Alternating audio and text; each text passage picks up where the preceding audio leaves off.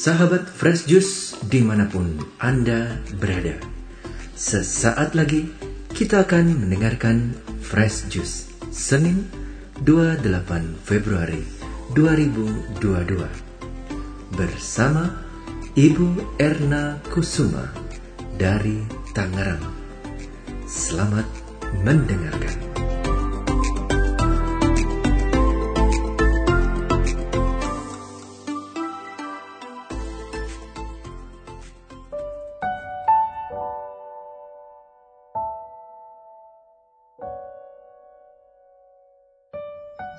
Para pendengar Daily Fresh Juice di mana pun berada, bacaan Injil hari ini yang diambil dari Injil Markus, bab 10 ayat 17 sampai dengan ayat 27, yaitu tentang seorang kaya yang sulit masuk ke dalam kerajaan Allah. Perikop yang sama juga ditulis pada Injil Matius bab 19 ayat 16 sampai dengan ayat 26 dan pada Injil Lukas bab 18 ayat 18 sampai dengan ayat 27. Inilah Injil Yesus Kristus menurut Markus. Pada suatu hari Yesus berangkat meneruskan perjalanannya. Maka datanglah seorang berlari-lari mendapatkan dia, dan sambil bertelut di hadapannya ia bertanya, "Guru yang baik, apa yang harus kuperbuat untuk memperoleh hidup yang kekal? Yesus berkata kepadanya, Mengapa kau katakan aku baik? Tak seorang pun yang baik selain Allah. Engkau tentu mengetahui segala perintah Allah. Jangan membunuh, jangan berzina, jangan mencuri, jangan mengucapkan saksi dusta, dan jangan mengurangi hak orang. Hormatilah ayah dan ibumu. Kata orang itu kepada Yesus, Guru, semuanya itu telah kuturuti sejak masa mudaku. Tetapi Yesus memandang dia dan menaruh kasih kepadanya, lalu berkata kepadanya, Hanya satu lagi kekuranganmu. Pergilah, jualah apa yang kau miliki, dan berikanlah itu kepada orang-orang miskin maka engkau akan memperoleh harta di surga. Kemudian datanglah kemari dan ikutlah aku. Mendengar perkataan Yesus, orang itu menjadi kecewa, lalu pergi dengan sedih sebab banyaklah hartanya. Lalu Yesus memandang murid-murid di sekelilingnya dan berkata kepada mereka, Alangkah sukarnya orang yang beruang masuk ke dalam kerajaan Allah. Murid-murid tercengang mendengar perkataannya itu, tetapi Yesus menyambung lagi, "Anak-anakku, alangkah sukarnya masuk ke dalam kerajaan Allah. Lebih mudah seekor unta melewati lubang jarum daripada seorang kaya masuk ke dalam kerajaan Allah."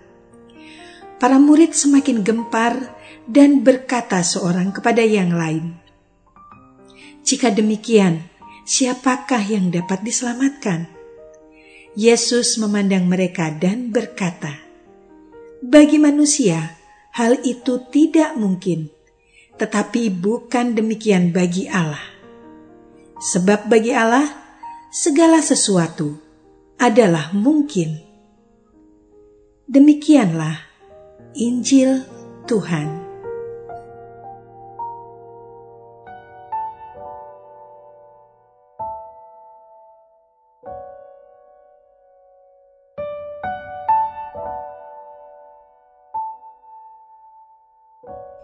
Para pendengar setia dari Fresh Juice yang dikasihi Tuhan, seseorang yang dikisahkan pada bacaan Injil tadi adalah seseorang yang kaya.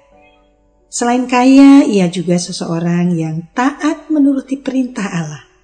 Dan nampaknya ia juga sehat secara jasmani rohani, sebab ia datang kepada Yesus bukan untuk memohon kesembuhan atas penyakit yang dideritanya, ia datang untuk mendapat penjelasan dari Yesus tentang apa yang harus ia perbuat untuk memperoleh hidup yang kekal.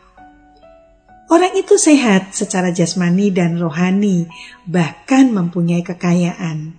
Rasanya sudah tidak ada yang kurang. Semestinya ia bisa hidup berbahagia. Lalu apalagi sehingga ia bergegas datang kepada Yesus, bertelut atau bersimpuh di hadapan Yesus dan meminta penjelasan apakah masih ada yang ia mesti perbuat untuk memperoleh hidup yang kekal. Entah apa yang ada di benaknya sehingga ia menanyakan hal itu kepada Yesus. Mungkin saja ia berpikir bahwa suatu saat ia akan meninggal dunia, lalu menjadi bimbang apakah ia akan memperoleh hidup kekal atau tidak. Tapi secara tidak disangka-sangka, Yesus menjawab, "Hanya satu lagi kekuranganmu. Pergilah, jualah apa yang kau miliki dan berikanlah itu kepada orang-orang miskin, maka engkau akan beroleh harta di surga.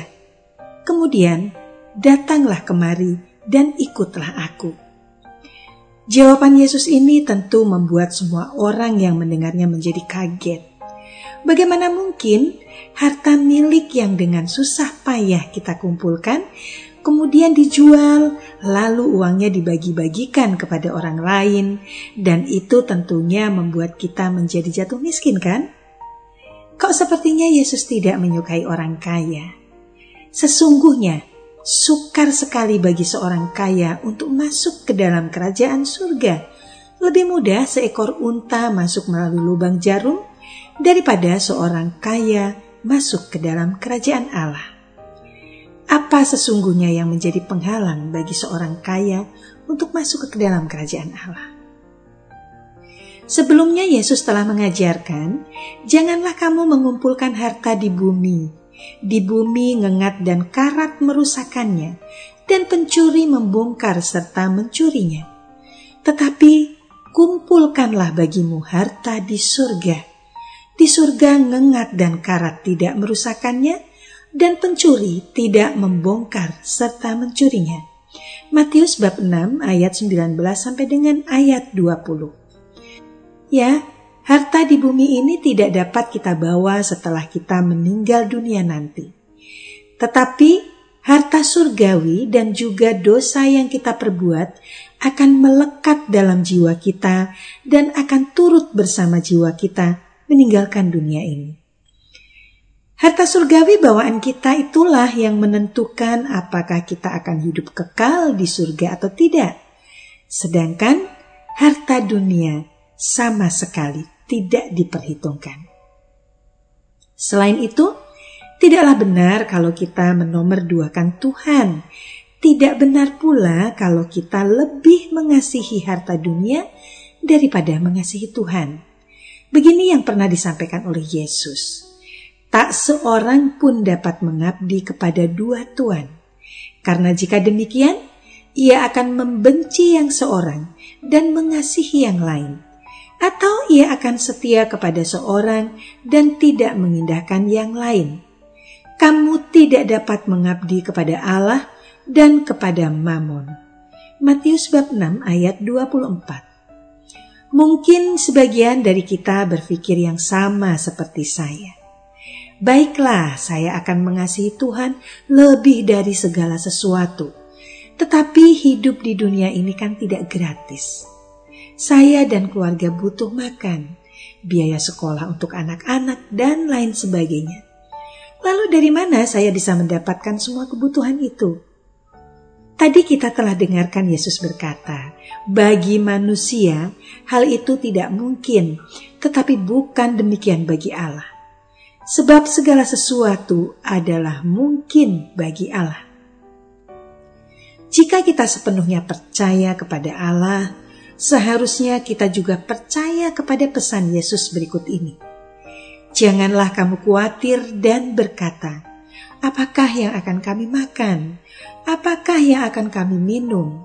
Apakah yang akan kami pakai? Semua itu dicari bangsa-bangsa yang tidak mengenal Allah akan tetapi Bapamu yang di surga tahu bahwa kamu memerlukan semuanya itu. Carilah dahulu kerajaan Allah dan kebenarannya, maka semuanya itu akan ditambahkan kepadamu. Jika Allah mendandani rumput di ladang yang hari ini ada dan besok dibuang ke dalam api, tidakkah ia akan terlebih lagi mendandani kamu, hai orang yang kurang percaya? Matius bab 6 ayat 30 sampai dengan ayat 33. Jadi rupanya bukan soal kaya atau miskin yang dipersoalkan, melainkan apakah kita mengasihi Allah lebih dari segala hal di dunia ini. Wujud nyata dari mengasihi Allah adalah mengasihi orang-orang yang membutuhkan pertolongan, bukan hanya sekedar mematuhi larangan Tuhan, melainkan bersikap dan bertindak menyerupai Tuhan, berbuat kebaikan kepada sesama. Memberikan milik kita untuk orang lain semestinya bukan masalah, sebab yang kita kumpulkan adalah harta surgawi. Memberi tidak berarti kita akan menjadi jatuh miskin selamanya, sebab memberi bukan soal jumlah, melainkan tentang mengasihi. Memberi adalah wujud kasih. Mari kita lihat ketika Yesus singgah ke rumah Zakheus. Ketika itu Zakheus berdiri dan berkata kepada Tuhan, Tuhan, setengah dari milikku akan kuberikan kepada orang miskin, dan sekiranya ada sesuatu yang kuperas dari seseorang, akan kukembalikan empat kali lipat. Lalu Yesus berkata kepadanya, Hari ini telah terjadi keselamatan pada rumah ini. Para pendengar setia dari Fresh Juice yang dikasih Allah, semoga sekarang menjadi jelas bagi kita Yesus tidak melarang orang menjadi kaya, tetapi hendaknya jangan sampai terjadi kecintaan kita akan harta dunia, malah akan memisahkan kita dari Yesus.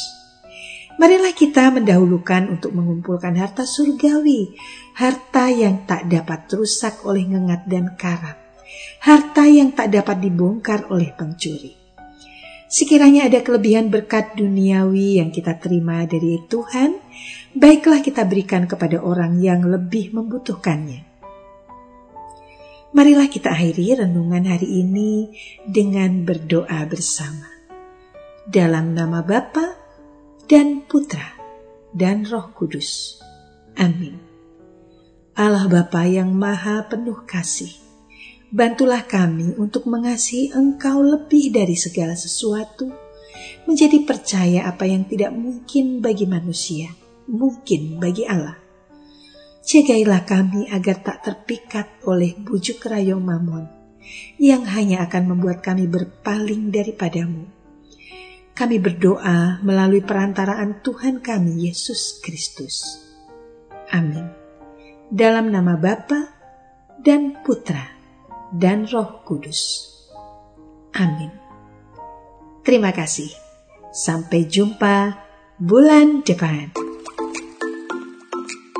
Sahabat Fresh Juice, kita baru saja mendengarkan Fresh Juice Senin 28 Februari 2022.